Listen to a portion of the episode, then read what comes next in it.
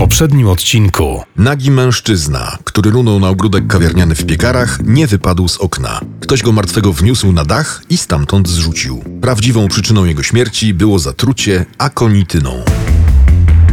Piekary Śląskie, 17 sierpnia, godzina 10.15.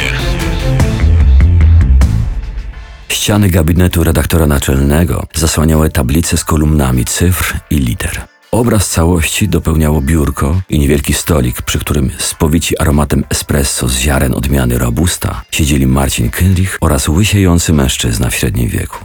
Od roku kierował stacją, a od kilku tygodni zajmował się głównie zarządzaniem kryzysem, który sam wywołał. Ta roślina ma też swoją drugą nazwę. Tojad mordownik. Od mordu oczywiście. Podobno akonityną otruto Arystotelesa. Tak? Skąd wiesz? Kiedyś interesowałem się takimi tematami. Zbierają podpisy w sprawie twojego odwołania. Wiesz o tym? Tak.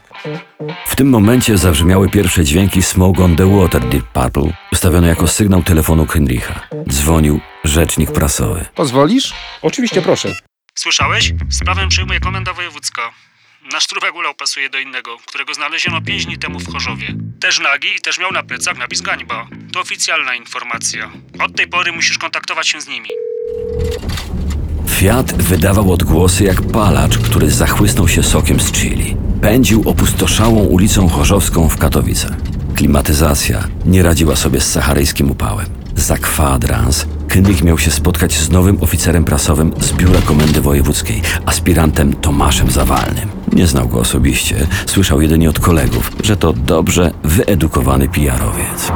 Dniu 11 sierpnia w godzinach wczesnoporannych na terenie cmentarza przy parafii świętej Jadwigi ujawniono zwłoki męskie, nagie, przytwierdzone do drzewa przeźroczystą folią. Yy, zwłoki posiadały na plecach napis gańba.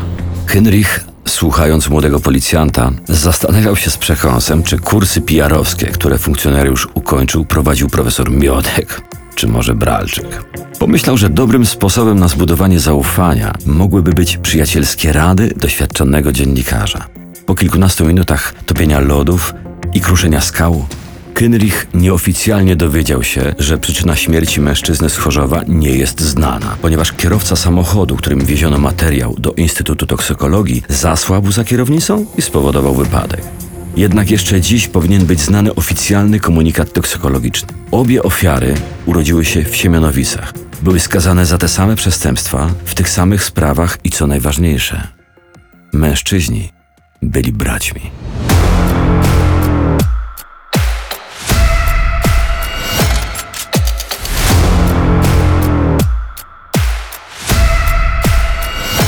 Gańba.